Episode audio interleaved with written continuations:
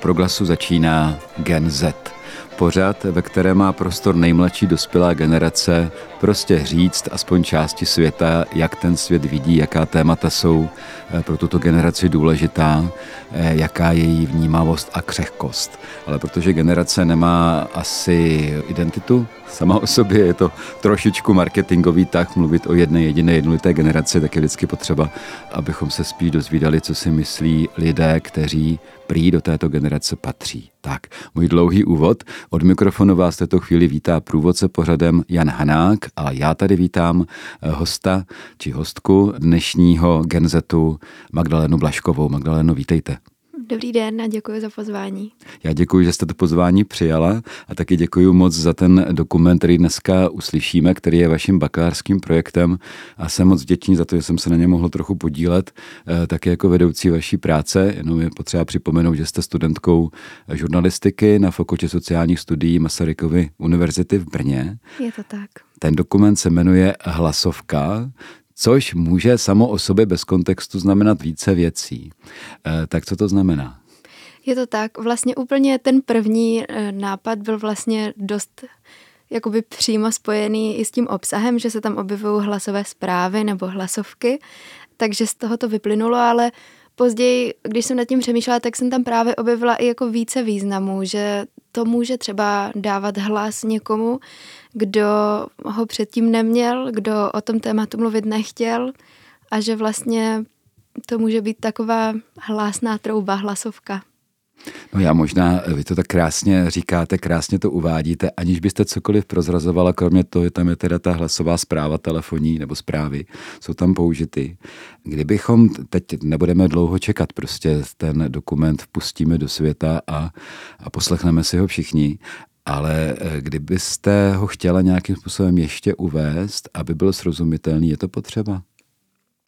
Uh, tak on ten úvod tam je přednahraný, krátký, před tím dokumentem. Uh, já bych možná jenom doplnila, že uh, to dílo vlastně, uh, v tom díle se prolínají dvě roviny. Jedna jsou hlasové zprávy, které jsou autentické, které jsou nahrané těsně po činu, o kterém teďka uslyšíme. A ta druhá rovina, tak uh, ta je vlastně vyprávění stříletým odstupem. Dobře, Magdaleno, děkuji moc krát. A za chviličku zazní znovu váš hlas, tentokrát už přednahraný, protože to je nahlášení toho dokumentu, který jste tam sama dala. Já možná jenom řeknu, téma je to těžké, které přijde, ale velmi důležité a řekl bych, že je důležité eh, dobře rozlišovat. Dobře rozlišovat a dobře vnímat. A možná ani ne tak to, že se dějou hrozné věci, jako spíš co s tím, když se to stane. Ne? Magdalena Blašková, hlasovka. Hlasovka vypráví příběh mladé ženy, kterou před třemi lety napadl po cestě domů cizí muž. Poté, co mu unikla, nahrála doma hlasové zprávy svým přátelům, aby se svěřila s tím, co právě prožila, nebo spíše, jak ona sama říká, přežila. Pamatuju si, jak jsem byla u toho kamaráda, jak jsem odcházela, jak mě doprovázel, jak jsem jela tím autobusem, jak jsem vystoupila z busu, jak mě chytli za kabelku a potom už to mám trošku rozmazané. To za... no, tak o, asi bych měla trošku popsat jakoby ten den, ne? Myslím si, že to byl právě víkend, byl, byl, byla to sobota nebo pátek, to přesně nevím. nevím. A byla jsem s kámoškou na víně, potom ona jela se svým přítelem domů a kousek, asi dvě zastávky nebo tři zastávky, tak tam bydlel vlastně o, bývalý kolega z Holandska. A tak tam jsme se nějak domluvili, my se ještě nechtěli domů, já nevím, bylo 8 třeba, tak jsme se domluvili, že se stavím ještě prostě k němu, že stáme prostě taky víno nebo to. Hm. Mám to říct? A že si dáme trávu. no, každopádně prostě tak jsme šli jako k němu a no, a potom teda bylo nějak kolem 12. jsem se rozhodla, že prostě pojedu domů autobusem, tak on mě doprovodil vlastně na ten autobus a jsem vystoupila na té zastávce a teda um, hned vlastně na parkovišti vedle zastávky, takže jakoby pro mě takové to více frekventované místo prostě parkoviště, kdy kdokoliv může přijet autem, vedle byl nějaký obchod, který už byl samozřejmě zavřený a vedle toho autobusová zastávka, jo. Nic moc prostě místo právě, kde bych si dávala nějak extra prostě pozor nebo kde bych se bála. Tak šli dva chlapy. jeden, jeden vyšší, vlasatý, druhý nižší a plešatý, anebo měl, buď byl úplně plešatý, anebo měl pleš. Ale myslím si, že byl úplně plešatý. Oba, oba Češi teda. No něco mi první řekli, že to nebylo hned prostě jakoby to, ale něco mi řekli a chytl ten jeden, tak mě chytl, ten druhý šel jakoby před ním a ten druhý ho mě chytl za kabelku tehdy. Ten jeden právě byl takový pasivní, ten vyšší a ten vlasatý byl pasivní, ten nižší tlustší byl o, s tou pleší byl aktivní prostě jakoby v tom. Že ten druhý tam jenom postával vlastně celou dobu, ani se mě jednou nedotknul. Potom, co mě chytl za tu kabelku, já jsem se nějak vytrhla, ale oni jako přišli a byla tam bílá dodávka na tom parkovišti. Nebo ne, nevím, jestli to byla dodávka, ale ve velké bílé auto prostě. Asi jo, nějaká dodávka nebo nějaký takový ten devítimístný vůz. Tam mě opřel teda o, o, to, o to auto a začal mě líbat. Prostě já vystoupím se zastávky a ujdu asi 10 kroků a prostě vrhne se tam na mě pole a začne mě tam líbat, ne, a úplně říkám ze začátku pozdě, víš co, hej, pozdě, úplně děláš si prdel, co děláš. On úplně mi nechtěl prostě pustit, ne?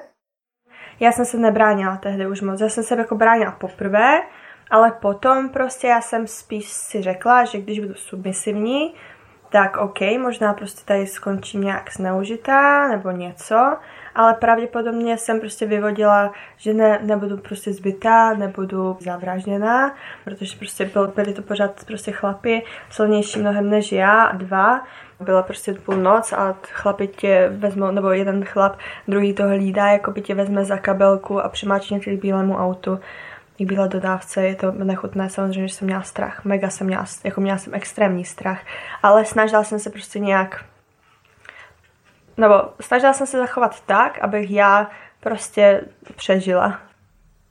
Hmm.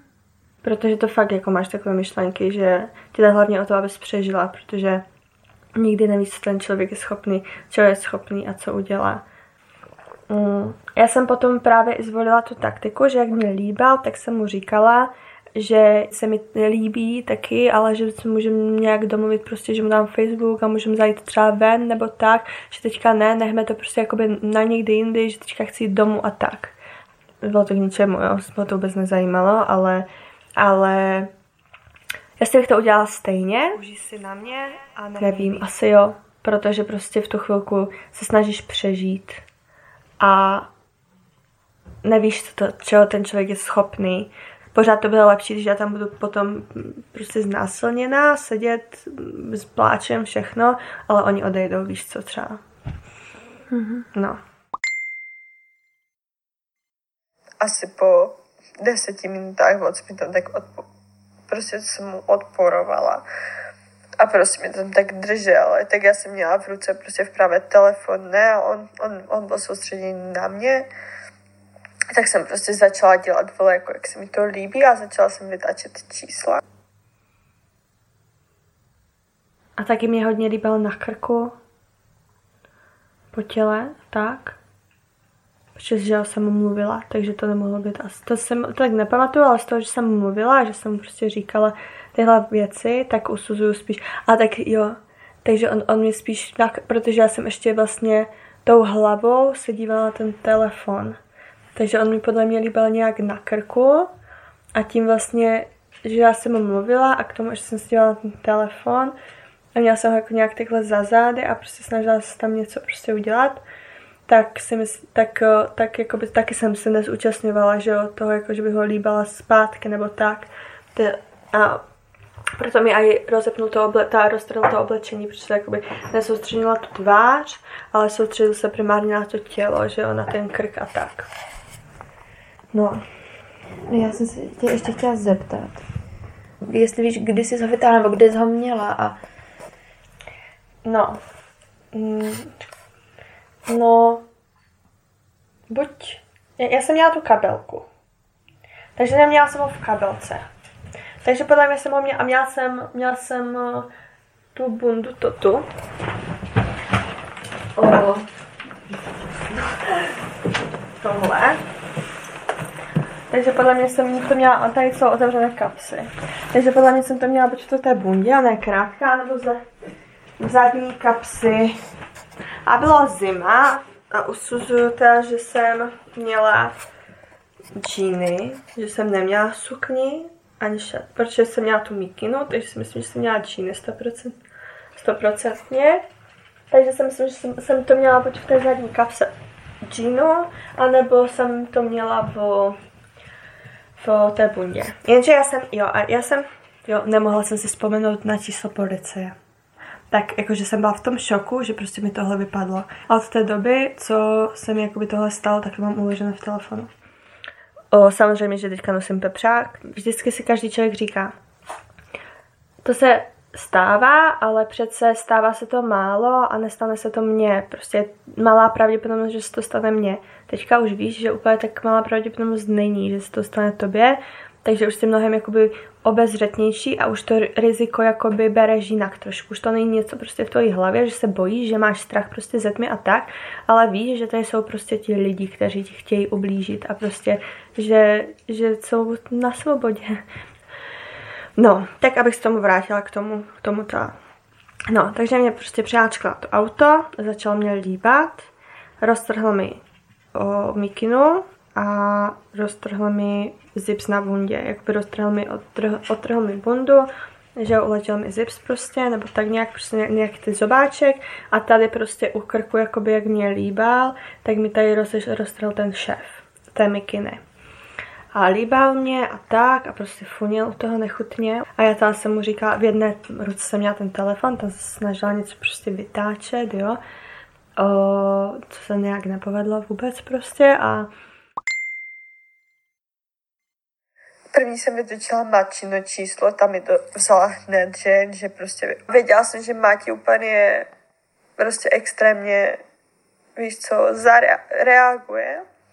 Tak jsem volala, vole, prostě hej, o Ondrovi první, hej, ten mi to nezvedal, potom jsem volala Anet, ta mi to zvedla, ale po chvilce mi to típla, protože prostě slyšela jenom samé šramotění.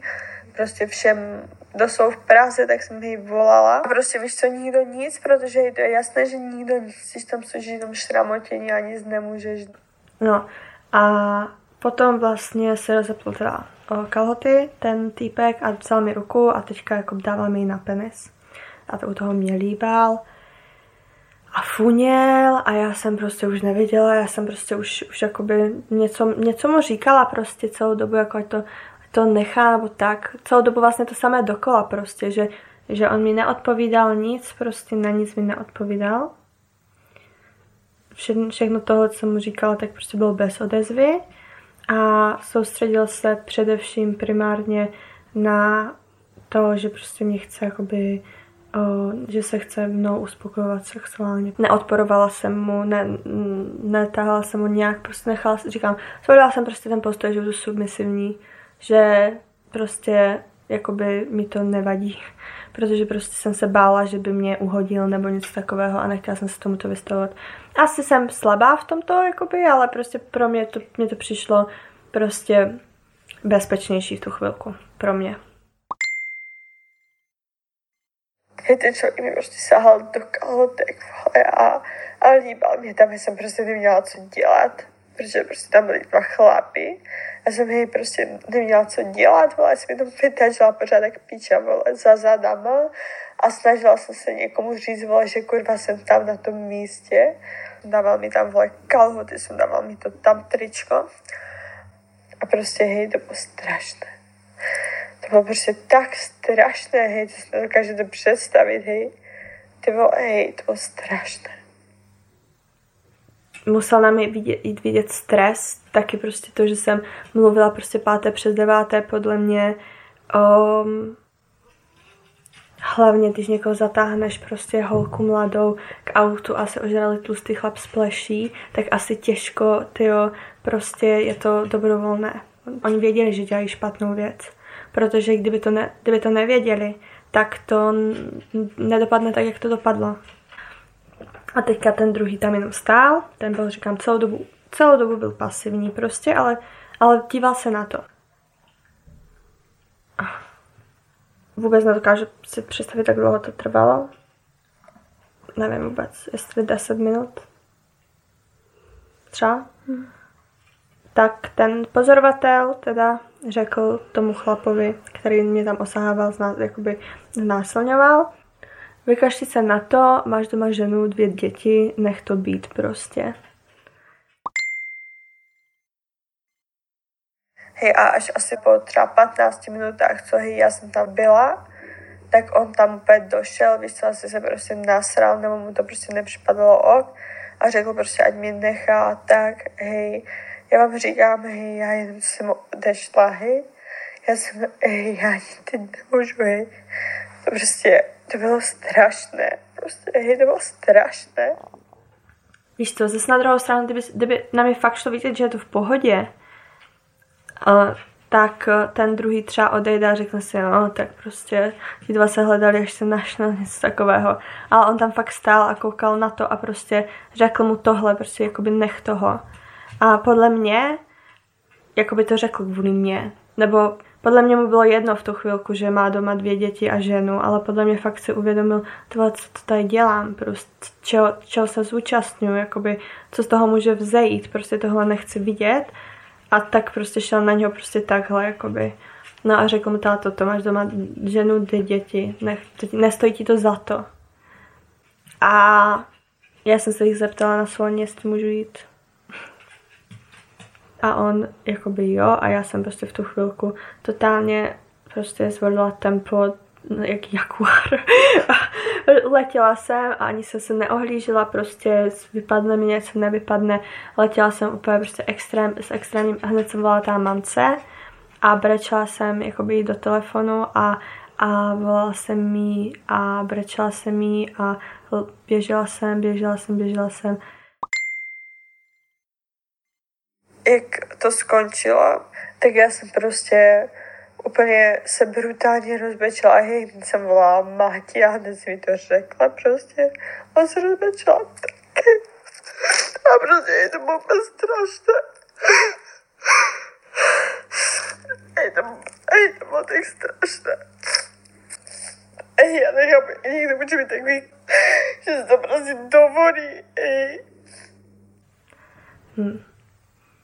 No, jsem teda doběhla a doma teda jsem prostě potom jakoby si sedla a začala prostě brečet a byla jsem ráda, že jsem v bezpečí teda. No, takže tak. A trošku mi třeba teďka i mrzí, že jsem mohla třeba zaletět někam a prostě v tu chvilku v ten večer zavolat policii, což mi vůbec nenapadlo.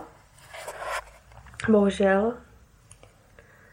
Ale prostě byla jsem v šoku a byla jsem ráda, že jsem doma a že prostě Hmm. Hmm. No a volala jsi na policii potom třeba? Na druhý den jsem volala. Bohužel jsem zavolala na špatný, jakoby ten, tu oblast místo do, na Lhotku. Jsem zavolala do Modřic, což je vedle sebe. A tam mi řekl pán, že volám špatně, potom jsem mu řekla, že se mi to stalo, tak mi řekl, jo, dobře, o, já s tím bohužel nic neudělám, zavolejte si na oblast, my jsme oblast Modřice, zavolejte si na Lhotku. A teďka mě nepřepojil, myslím, no, ne, 100% mě nepřepojil, protože mě přepojil takto. A v tu chvilku, já ten hovor přesně nepamatuju, jo. Ale v tu chvilku to ve mně vyvolalo prostě pocit, jakoby takhle prostě ne, takhle opravdu nechci, aby se ke mně někdo prostě jakoby zachoval, když já mu řeknu něco jakoby tak zraňujícího, že, že bych očekávala, jako jo, jasně, prostě jsou, polic, to, jsou to policajti, o, kteří s ně, nějakým prostě způsobem dělají toto na denním pořádku, jo, že se vystříhají prostě lidi ve stres, kterým se něco stane a tak, ale mají psychotesty a všechno. A jestli tam jsou ty psychotesty o, k něčemu, tak by ten člověk o, měl být schopný rozeznat, kdy má mít nějaký prostě přístup jakoby um, Chladný, nejchladnější chlad. jiný, prostě takový vřelejší, že mm, vidíš, že to chápe tu situaci, to pochopení nějak prostě pro tu situaci, to pochopení pro to, hej, volá ti prostě mladá holka s tím, že ji včera málem znásilnili prostě a chce to nahlásit na policii, aby se to nikomu nestalo dalšímu, aby prostě nějak je ochotná prostě spolupracovat, aby se nějak eliminovali prostě tihle lidi ve společnosti a ty máš mít postoj jakoby vřelejší, chápající, ochotnější a ne prostě jak kdybych tam stála, tak aspoň nadiktuju to číslo, nebo dobře slečno, dobře, tak se podíváme tady, bohužel nemůžeme tu řešit, nebo přepojím vás, neříkej mi, že nejde přepojovat. Nejsem, nejsem blbá, takže jsem prostě nevolala někde mimo úplně. Že, že jsem si stoprocentně jakoby našla našla číslo nějakou pro veřejnost nebo něco takového. Nicméně prostě jsem volala tady. Ale říkám, oni mi ani to číslo nenadiktovali, na které třeba mám zavolat. A musí to třeba, musí to snad vědět, když je to prostě oblast hned vedle, ne? Si myslím, že jestli ta, tam se něco děje, tak a mají to tak rozdělené, že modřice lhotka je to vedle sebe, tak nejčastěji od, odkazují na lhotku, protože je to prostě vedle. Hm. Každopádně já jsem získala úplně nenávist tu chvilku k policii veškeré. Já jsem úplně, já, tak, já jsem byla tak znechucená z toho telefonátu, že už jsem nevolala na další oblast, protože jsem prostě, já jsem se potom rozbrečela, myslím, po tom telefonátu. Ty se někomu prostě svěříš z tak osobní věcí a on se prostě k tobě zachová takhle. Jako nebyl na mě nějak vulgární ten člověk nebo tak. No a ještě tím, asi možná tím, že to byl chlap, tak v tu chvilku prostě taky nějaký odpor a ještě celkově prostě ve společnosti, jak je to brané a tak. Asi se tohle všechno prostě smíchalo a já už jsem prostě nebyla ochotná prostě volat jinde. A mamka mi pak právě říkala, ať tam zajdu na nějakou a tak. Prostě já jsem byla tak znechucená z toho telefonátu, jsem prostě nešla. Mě to bylo prostě, mě to bylo nepříjemné. Prostě nevím, jestli bych to zvládla, kdyby se mnou takto se bavili a i potom, víš, že jsem nechtěla už přijít v kontaktu s tak chladným člověkem prostě, že stejně byste nic neudělali. A na druhý den jsem šla, nebo možná den potom, buď na druhý, nebo až den potom, na brigádu o, do Labutě, jako do restauračky. A potkala jsem prostě na zastávce ženská, měla kočárek, teďka nevím, jestli měla ty dvě děcka nebo jenom jedno, a vedle ní chlap a já jsem prostě v tu chvilku se na něho dívala a prostě přišlo mi, jak kdyby to byl on. Ale já jsem se ho, ne, já se ho nepamatuju ve tváři, já jsem, já jsem úplně to zablokovala prostě. Ale doteď normálně si myslím, že možná to fakt byl on.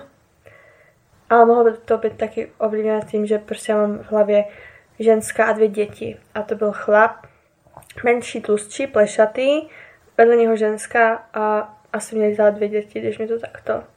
A, a pak si říkám, jestli to nebyl on. To by byla ta jako velká náhoda, jak by to byl on.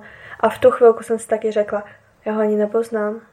Se díváš tak, jak já se dívám teďka na tebe a ty to zapomeneš. To je prostě proto, že možná právě třeba teďka, kdyby se mi to stalo, tak se soustředím na tu tvář víc a zvolím třeba stejný postup, ale už se na něho dívám, sleduju ho a myslím na to, že OK, chceš přežít, ale zároveň chceš, aby ten člověk prostě šel do vězení třeba. Ale tehdy jsem prostě neměla tu zkušenost a chyba mi se člověk učí. a to třeba mě překvapilo, že já jsem potom měla kolegu v práci v Praze a já jsem mu to řekla a mu to přišlo takový vtipné. Když jsem to řekla holce, tak mi to přišlo strašné. Když jsem to řekla mu, tak mu to prostě přišlo jakoby vtip, vtipné a úplně jakoby pohoda. Jakoby, že nic se mi nestalo ještě, nebo asi, a já opět jsem si v tu chvilku řekla, že tak, takhle jakoby ten chlap může mít i takový postoj, že to vůbec nechápou asi tak, jak to chápeš ty. No, takže už jsem vůbec už neměla chuť to s někým řešit. A, a proč si to nahrávala ty hlasovky? Nevím, asi jsem to třeba, já jsem, já jsem takový člověk, že jsem, já nejsem moc uzavřený člověk celkově o, když mám problém, tak ho ráda sdílím a prostě představa, že to nikomu neřeknu a že jako bych to měla v sobě, tak o, to není prostě moje povaha. Moje povaha je to prostě říct lidem, moje povaha je to prostě ze sebe dostat a tak se mi prostě uleví, že když mám problém, tak o tom potřebuji mluvit a ne, neuzavřu se do sebe. Podle mě takhle prostě tím, že jsem ty hlasovky nahrála nebo něco, tak jsem s tím nějak srovnávala v tu chvilku asi z mého pohledu, co, co si myslím, prostě co, co vím, jaká jsem povaha. Asi mi to v tu chvilku připadalo taky důležité prostě to sdělit. Jak to nikomu neřekla, tak možná ani třeba neusnu nebo něco takového, prostě přemýšlela bych nad tím mnohem víc nebo tak. Prostě zrovna v tomto okamžiku tak mi bylo líp, když jsem jakoby se podělila s těma nejbližšíma o to. Řekla jsem to třeba tobě a ještě vím, že jak jsem byla s tou Anet, tak jsem prostě volala té Anet prostě, že, že se mi to stalo prostě. No. Takže jsem doma úplně to nechápu, ej, a nedokážu si představit ten pocit prostě někoho, kdo je znásilněný prostě. No, ovlivnilo mě to hodně, protože pokaždé, když jsem šla před tím domů, tak jsem si dávala pozor, abych nešla nějakýma tmavýma místama kolem rohů a tak. Ale právě tím, že toto se stalo prostě na parkovišti u hlavní cesty, na zastávce, tak to ve mně vyvolalo takový pocit, jakoby, že ne, to, tyhle věci se nedějí jenom na místech prostě, o, že je ten chlap schovaný v parku za keřem, ale tyhle věci se prostě dějou i na parkovišti, kde může kdykoliv, kdokoliv prostě přijít. A to ve mně vyvolalo takový pocit, jako že se mnohem víc prostě bojím teďka. Mám pepřák, když jdu domů, tak prostě se dívám kolem sebe, a dávám si mnohem větší pozor, protože vím, že to reálné, že prostě to není jenom to, co slyším v televizi, nebo prostě čtu zprávy, ale vím prostě, že to reál, reálné a že tady jsou. Takhle, nebyla jsem u psychologa, ale potom, co se mi to stalo, tak jsem začala jakoby trpět na noční můry, že, se, že jsem no, často jako vydávala zvuky během spaní, například jsem prostě začala řvát z toho spaní help, help, help. Přítel, o, přítel mě vlastně tehdy musel probudit, nebo často se to prostě stávalo, že, že během těch, že jsem se jakoby ne, nemohla moc dostat z toho spánku a úplně mer, mermomoci prostě jsem se snažila z toho dostat. A toto jsem nikdy předtím prostě neměla. Jakoby třeba jo, stala se mi noční můra, ale nikdy to nebylo prostě ve spojitosti s tím, že mě někdo přepadává, a nikdy to nebylo jakoby tak intenzivní, že bych vydávala jakoby ty zvuky ze spaní a někdo mi musel prostě budit. Že když to byla noční mura, tak to byla noční mura, tak prostě jak známe jakoby každý, že prostě zdá něco hnusného a třeba probudíš se, podíváš se kolem sebe, řekneš si uf, noční mura v pohodě. Ale toho bylo, mi přijde prostě mnohem takové intenzivnější noční mury. A tím, že se mi to předtím nedělo, než tohle se mi stalo, tak si myslím, že to právě mělo návaznost na to, co se mi stalo prostě, že ten mozek z toho má nějaké trauma, měl nějaké trauma, nebo takhle. S odstupem času, už jsou to tři roky, tak je to mnohem lepší a už to neberu jako úplné trauma, ale bojím se lidí prostě, bojím se. Třeba teďka, nedávno, tak jsem jela právě z práce a seděl v tom autobuse jeden chlap a šlo vidět, že mě pozoruje prostě, že nikdo za mnou jakoby neseděl už a když byla nějaká zastávka, tak vždycky se díval prostě, kdo vystupuje a tím, že on seděl jakoby zády ke mně, tak to bylo ještě víc takové podezřelejší, že fakt se dívá na mě a že fakt sleduje prostě mě, protože otáčel tu hlavu na mě. Fakt prostě extrémně se mi rozbušilo prostě srdce, úplně jsem dostala prostě strach, jsem tím poznamenaná v tom, že mám mnohem, mnohem větších strach z lidí. Bojím se jak chlapů, tak ženských, prostě všech lidí. Nebo například, já jsem zašla do zahrádkářské oblasti a ona byla oplocená a já jsem tam dostala nějak úplně omylem a oni mě tam zamkli omylem prostě, takže já jsem pak hledala cestu ven a nemohla jsem o, nemohla jsem tu cestu ven prostě najít. A musela jsem najít člověka, který by mi pustil ven z té zahrádkářské oblasti. A byla tam jedna rodina, chlap, ženská a dítě malé. Zase jsem se prostě bála, viděla jsem tam nějaké ohrožení pro mě, že by tam prostě mohl být někdo, kdo mi něco takového udělá, na mě připadne. A, a volala jsem se ségrou a i prostě měla jsem ji na telefonu o, i tehdy, když jsem oslovila toho, o, tu rodinu, jestli by mi nemohl jít odemknout někdo, tak vlastně ten, ten chlapík, tak ten tá, že mi půjde odem, odemknout tu zahrádkařskou oblast a celou dobu jsem měla na telefonu tu segru, protože prostě bych se cítila v nebezpečí, kdybych šla takto v zahrádkařské oblasti, prostě, kde nebyl, tam nebylo moc lidí, jo, tam třeba z, prostě z x desítek zahrádek byly na, já nevím, jedna rodina a jeden prostě chlapík tam něco řezal prostě na nějaké cirkulárce prostě nevěříš, kdy tam najednou prostě nevíš, ty víš, najednou víš, že to riziko tady prostě je, že ten, ti chlapi jsou někteří prostě takový a to mohl být prostě úplně super chlápek, prostě hodný všechno, ale já jsem se ho bála. Na druhou stranu v běžném životě, nebo když to riziko prostě si nemyslím, že zrovna je, tak já se prostě nebudu hroutit z toho, víš co, jakoby já, já už je to dlouho a já si myslím, že jakoby osoba jsem docela taková jakoby citlivá, ale silná. Do běžného života prostě se nenechám tak ovládnout těma emocema. Nevidím v tom důvod. Prostě taková asi jsem. Ne, jakože to je těžko říct, prostě to tak mám. Ono, když by se mi, kdyby mi třeba znásilnili tehdy, nebo takhle, tak ta negativní vzpomínka a celkově ten zážitek byl mnohem, mnohem víc prostě jakoby negativnější a měl na mě mnohem větší dopad a v tom případě třeba by to pro mě bylo natolik traumatické, že prostě kdybych o tom povídala, tak se rozbrečím nebo něco, protože si to vybavím.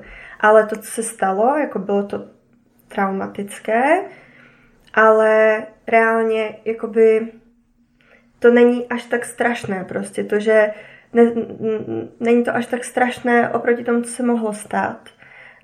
Jsou horší prostě. Mohlo to dopadnout mnohem hůř. A možná i to je ten důvod, že vlastně já jsem vděčná za to, jak to dopadlo nakonec. Možná proto si uvědomuji, že to mohlo dopadnout mnohem hůř tak dobře, protože prostě to mohlo reálně dopadnout mnohem hůř. A vlastně já, když o tom někomu povídám, tak já říkám, že to vlastně dopadlo dobře. Ono, ta situace by prostě pro mě dopadla dobře. Stalo se mi něco, ale já jsem z toho vyvázla bez zranění, bez toho, aniž by se ten člověk jako mě dotknul víc, bez toho, aniž prostě bych měla jeho penis, penis v puse nebo ve vagíně což je vlastně super, že jsem neměla, protože i třeba při sexuálních zážitcích, tak ten člověk se mi nikdy nevybaví nebo tak. A myslím si, že lidem, kteří třeba právě tohle zažijou, tak ty věci, které třeba s tím člověkem zažijou, pro ně můžou být třeba nepříjemné už vlastně s kýmkoliv, protože třeba jim to připomíná ten zážitek, což mi se nestalo. Prostě a takže říkám, ono je to strašné ta situace, poznamenalo mi to takhle, ale v osobním životě, třeba jakoby v partnerském životě nebo tak, tak mě to nepoznamenalo vůbec, jako absolutně vůbec. A teď si třeba nejsem jistá, jestli on mimo nějak jakože sahal stolu, ale já ta jo, no byla jsem k tomu donucená, ale, ale ne, ne, ne, já to nepovažuji jako znásilnění, já, jakože já to prostě považuji považuji za, za obtěžování jako naprosté, za, za sexuální obtěžování, jakože na té nejvyšší stupnici, nebo úplně na nejvíc, co můžeš někoho sexuálně obtěžovat, ale nepovažuji to za znásilnění. Znásilnění podle mě, podle mě, nebo tak to mám zažité, tak je to, když ten člověk prostě už jako vyloženě se na tebe uspokojí jsem smířená s tím, co se stalo. A mě, já jsem smířená s tím, že mě ten člověk ohmatával, že mě nutil ohmatávat ho, že mě líbal, s tím já jsem smířená. Ale spíš nejsem vyrovnaná s tím, že vím, že se mi to může stát znova a že to není až tak jedinečné, že se mi to může stát. A prostě ty si uvědomuješ, na, najednou si mnohem víc uvědomuješ to riziko, že si to může stát prostě. A to je asi to, s čím se člověk, nebo s čím se už asi nikdy nevyrovnám. S tím, že prostě se mi to může stát kdykoliv a kdekoliv, i na veřejných místech. Najednou si nemyslíš, že jsi nedotknutelná jakoby takhle. Jo? Protože absolutně nechci, aby se mi to stalo znovu nikdy v životě.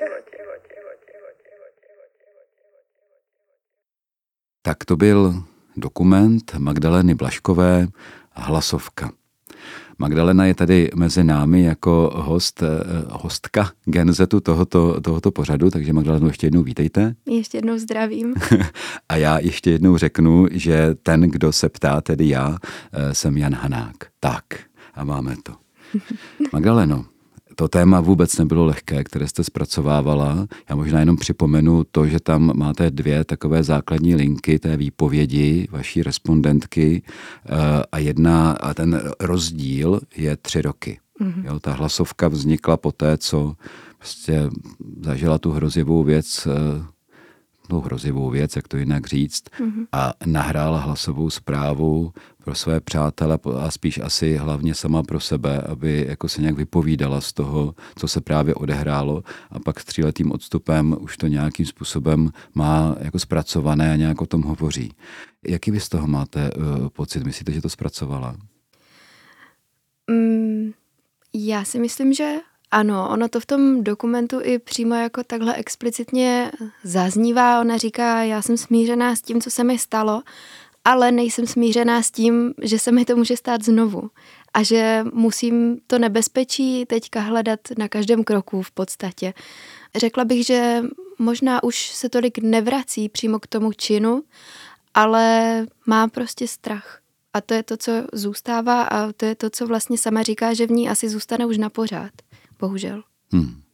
A vy, když jste se eh, s tím tématem teď seznámila zprostředkovaně vlastně skrz tu vaši respondentku, vy máte strach, že se vám třeba něco takového může stát? Mám, ale já jsem měla strach tak trošku vždycky a myslím si, že, že spousta žen má tento strach. Asi není tak silný, jak třeba u té respondentky, protože není tam ta osobní zkušenost a vlastně člověk si tu hrůzu ani neumí představit, dokud ji neprožije, podle mě. Ale jako strach mám a můžu uvést úplně konkrétní příklad. Včera, když jsem se vracela z knihovny po desáté večer, tak eh, prostě půjdu uprostřed cesty, protože je osvětlená a radši uhnu jenom, když jede náhodou nějaké auto, než abych šla po zatemnělém, zarostlém chodníku. Hmm. A No, to možná dvojotázka, jo? Jak se vlastně takovému nebezpečí, jestli to už víte třeba, jestli jste si něco zjistila, už i během toho, kdy jste se zabývala tím tématem a poměrně dlouho, existuje nějaký způsob, který jste našla, jak se tomu nebezpečí bránit, případně jak se bránit tomu strachu, krom toho, že chodíte v prostřed ulice? To je pravda, že já jsem se vlastně nezaměřila úplně tady na tyto stránky, ale určitě jsou nějaké podle mě už dneska docela obecně známé poučky, jak by se měl člověk chovat právě třeba uh, vyhýbat se různým opuštěným místům a tak dále, nějaké třeba základní prvky sebeobrany, ale je pravda, že, že bych jako byla na to nějaký odborník, tak to asi ne. No spíš, ani ne tak odborník, to od vás ani neočekávám, ale, ale vy jste se jako dokumentaristka s tím tématem zabývala a s tou vaší respondentkou se strávila nějaký čas, mm-hmm. rozhodně víc, než jsme teďka slyšeli, samozřejmě je to dokument, to znamená, je to hodně postříhané. Mm-hmm. Tak jestli vám něco jako by cinklo do hlavy nebo do mysli, řekla jste si, jo, to je jako dobrá inspirace, jak se třeba k tomu postavit. Mm-hmm. To vlastně úplně nevím, jestli bych se něčím takto inspirovala, protože, jak říkám, já jsem vlastně jako opatrná už sama od sebe od jak živá a respondentka to má podle mě podobně a má to teďka zesílené a nemyslím si, že ona sama by vyloženě udělala nějaký ten krok, že by se teďka snažila tomu nějak přímo vyhnout. Ona Samozřejmě má strach, to znamená, že nerada je třeba sama ve společnosti cizích mužů i ve dne, uh, i prostě za denního světla, pokud tam není někdo jiný v blízkosti. Ale Mm, Takhle konkrétně asi nevím. Asi nevím, jak na to odpovědět. Tak myslím, že odpovídáte. Mimochodem, už vaše respondentka ten dokument slyšela? Neslyšela a ani ho neuslyší, ona totiž nechce ho slyšet. Aha. A to je zajímavé. Ale jako pochopitelné samozřejmě. Mhm. No ono totiž toto je jeden z dokumentů, které, kterých eh, vlastně vzniká poměrně dost a nemyslím zrovna na toto téma, ale dokumentů, které mohou být i jistým druhem terapie pro toho člověka, eh, který jednoduše třeba jenom dostane prostor to, eh, to říct a nějak si to třeba i sformulovat, co se vlastně odehrálo. Máte ten pocit z toho? Že by jí to pomohlo Mhm. mm-hmm. nějak konkrétně. Myslím si, že určitě si třeba utřídila nějaké věci v hlavě, ale zase je tam ten aspekt toho, že je to s odstupem tří let a ona to neříkala poprvé, neříkala to ani po druhé, jak sama zmiňuje v tom dokumentu, ona je sdílný člověk, takže možná, že se spíš už jako opakovala.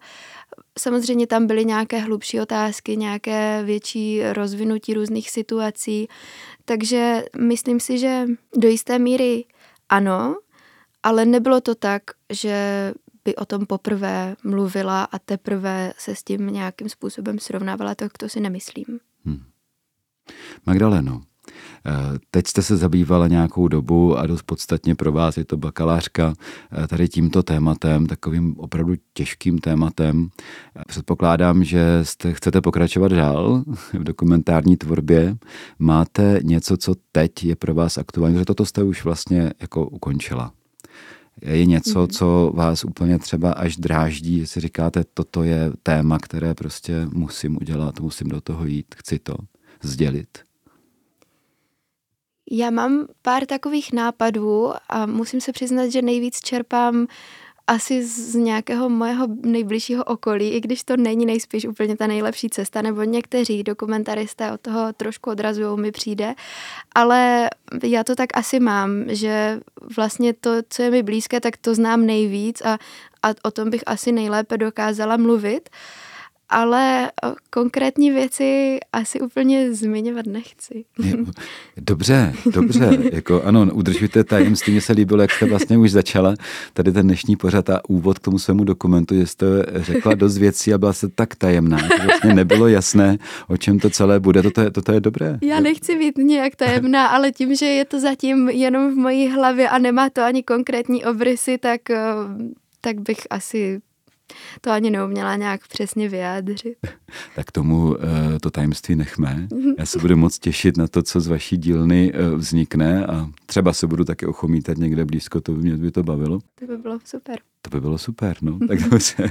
Magdaleno, moc krát vám děkuji za váš dokument, za vaši práci, za vaše vnoření se do toho, že jste to dokázala taky vytáhnout ven, i za to, že jste přišla semka do studia o tom trochu promluvit a představit nám ten dokument. Já děkuji za pozvání ještě jednou. Naším hostem byla Magdalena Blašková, eh, autorka dokumentu Hlasovka, který jsme dneska slyšeli a od mikrofonu se v této chvíli loučí eh, Jan Hanák, průvodce pořadem. Pokud nás posloucháte v podcastových aplikacích, tak samozřejmě budeme rádi za to, pokud eh, o nás dáte třeba na sociálních sítích vědět svým přátelům, kamarádům a pokud nám třeba dáte nějaký nějaký like, i když vím, že dávat like třeba na dokument o znásilnění není úplně lehké, ale můžete ohodnotit aspoň to, tu práci. Tak, děkuji moc krát.